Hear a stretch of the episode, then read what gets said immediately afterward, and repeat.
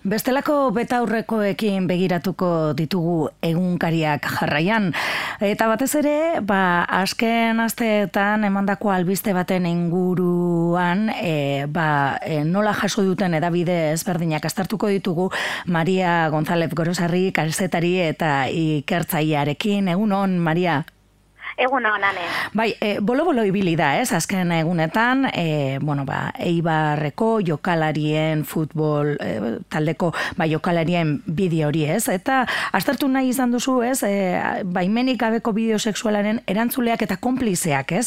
Eta prentzan, e, ba, nola jaso den, ez, e, gertaera hori eta olako antzekoak.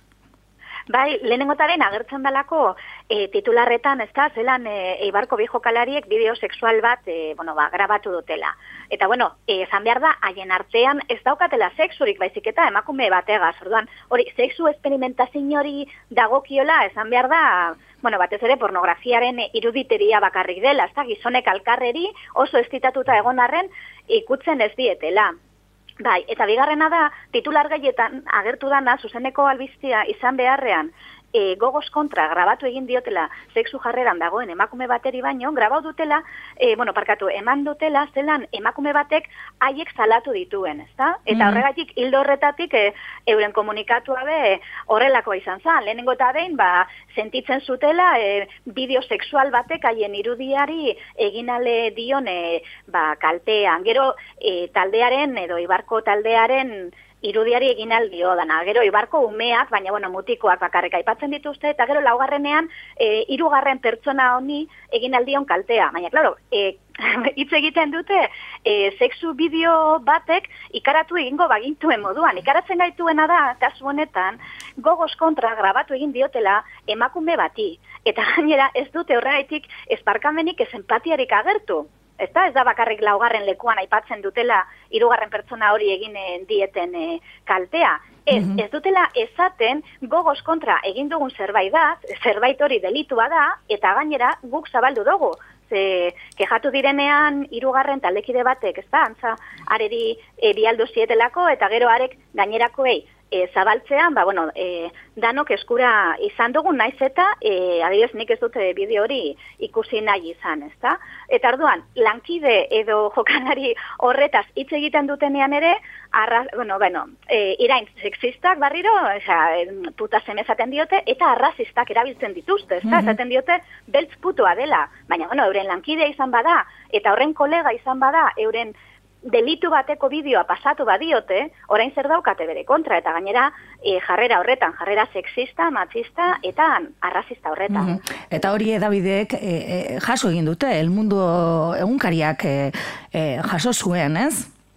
Bai, esan lango kritikarik ez da agertzen, e, kritika esan nahi dut, e, edabiden intenzionalitatea ze aritzen garenean. Mm -hmm. Esan nahi dut, esan baita esan dezakete hori neutralitatea dela, baina neutralitateak bere horretan jasotzean, egiten duguna da, eraso egin diotena, babestu, ez diogulako e, aurre egiten. Eta hori da egin da diena, esan beharrean, e, ba, gizon honek eraso bat egin dute, ez da, nahi, e, nahi gure izan zaban pertsona bati grabatu diotela eta gainera hori zabaldu egin dute.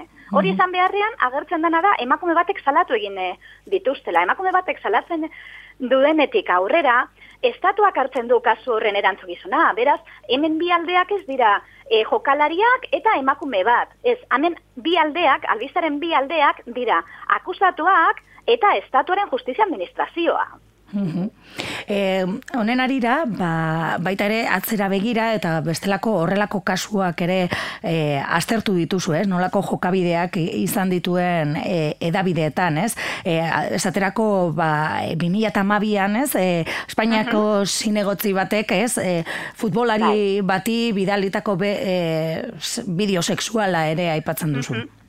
Bai, e, Carlos Sánchez e, jokalari honi bideoli e, bidalitakoan emakume hori e, emakumearen irudia egin zan ezaguna, oraindik bideo hori interneten jarraitzen du e, danon eskura eta, bueno, esaten da ordutik aurrera e, zigorra ba, gogortu egin zela. Bueno, ba, e, zigor hori gaur egun e, urtebeteko espetxe zigorra da baldin eta bideoa zabaldu duena gure e, gure bikotekidea izan bada. Baina kaleko batek gure bideo bat zabaltzen badu, mm -hmm. espetxe zigorra izan dezake gehienez, ezta?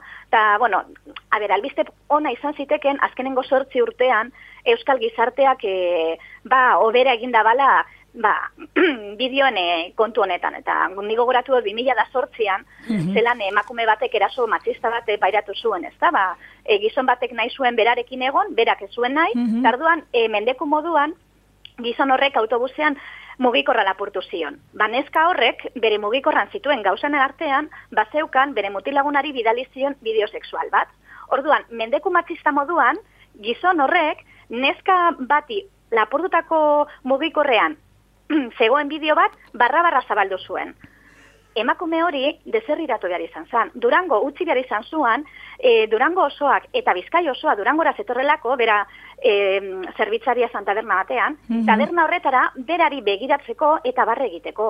Gaur egun, bueno, basori honez, esan dezakegu azkenengo sortzi urtean, egin dugun e, gizarte lanari esker, behintzet e, jarrera e, sexista horiek gero eta gutxiago badirela kasu honetan hainbatek uko egin dotzogu zuzenean eta publikoki jendaurrean mm bideo hori ikusteari, ezta? Bai, bueno, hala ere, e, bueno, e, jendarte aldatu bada eta horren aurre horrelako bideo eta albisten aurrean edabideak ere oraindik ere, bueno, ba ez dituzte behar bezala edo jasotzen e, albisteak, ez? Edo gertakari hauek. Hori da, e, jendarte alde batetik joan da, aurrerago joan da, edabideak baino. Eta orduan, olakoetan egin behar duguna da, ia, e, jendarteak aurrera egiten daban bide horretan, gaur egun ditugun edabidekin aurrera egin nahi dugun edo horiek kontsumitziari utzi behar diegun, ezta? Sanferminetako eredua horretarako oso argia da. Argazki bardinekin non agertzen dan emakume bateri 10 bat mutilek eraso egiten, argazki berdinarekin islatu egin zan 2013an e, ospakizuna eta erazuena. Gaur egun hiru urte eta gero ezinezkoa da inork ez luke horrelakorik egingo, ezta? Orduan, hori e, jendarteak aurrera egin duen prozesua izan da. Nik usteot e, kasu honetan ere bai eta edabideak baino aurrerago bagoaz, ba edabide horiek e, kontsumitzeari utzi beharko diogu. Hori da, ez? E, titularrak askenean e, zentzuz irakurri behar direlako, ez? Eta konturatu orduko e, titularren atzean e, zer dagoen ere, zer e, esaten ari den e, kostiente izan behar garelako, ez? Bai, kasu honetan, esatea, emakume batek bi jokalari salatu dituela, ematen du, e, ba, ez dakit, ez da, e, biktimak direla jokalariak. horiek, ez da, hori zebera, eta ganera, etengabe jokalari esaten diegu, azken batean, hori euren lana da, baina gainerakoetan gizonak eta emakume eta zakarrik egiten dugu, ez da, ez dugu esaten e, salatu duen emakumeak, ze ze hobi bide dauka, zan nahi dut, e, baliteke kultura gehiago izatea bi jokalarik baino. Bueno, ba, hau ezek astertu nahi izan dituzu aste honetan. Eh, Maria, eskerrik asko gurean egon izanagaitik. Zuei. Bai, agur. Agur.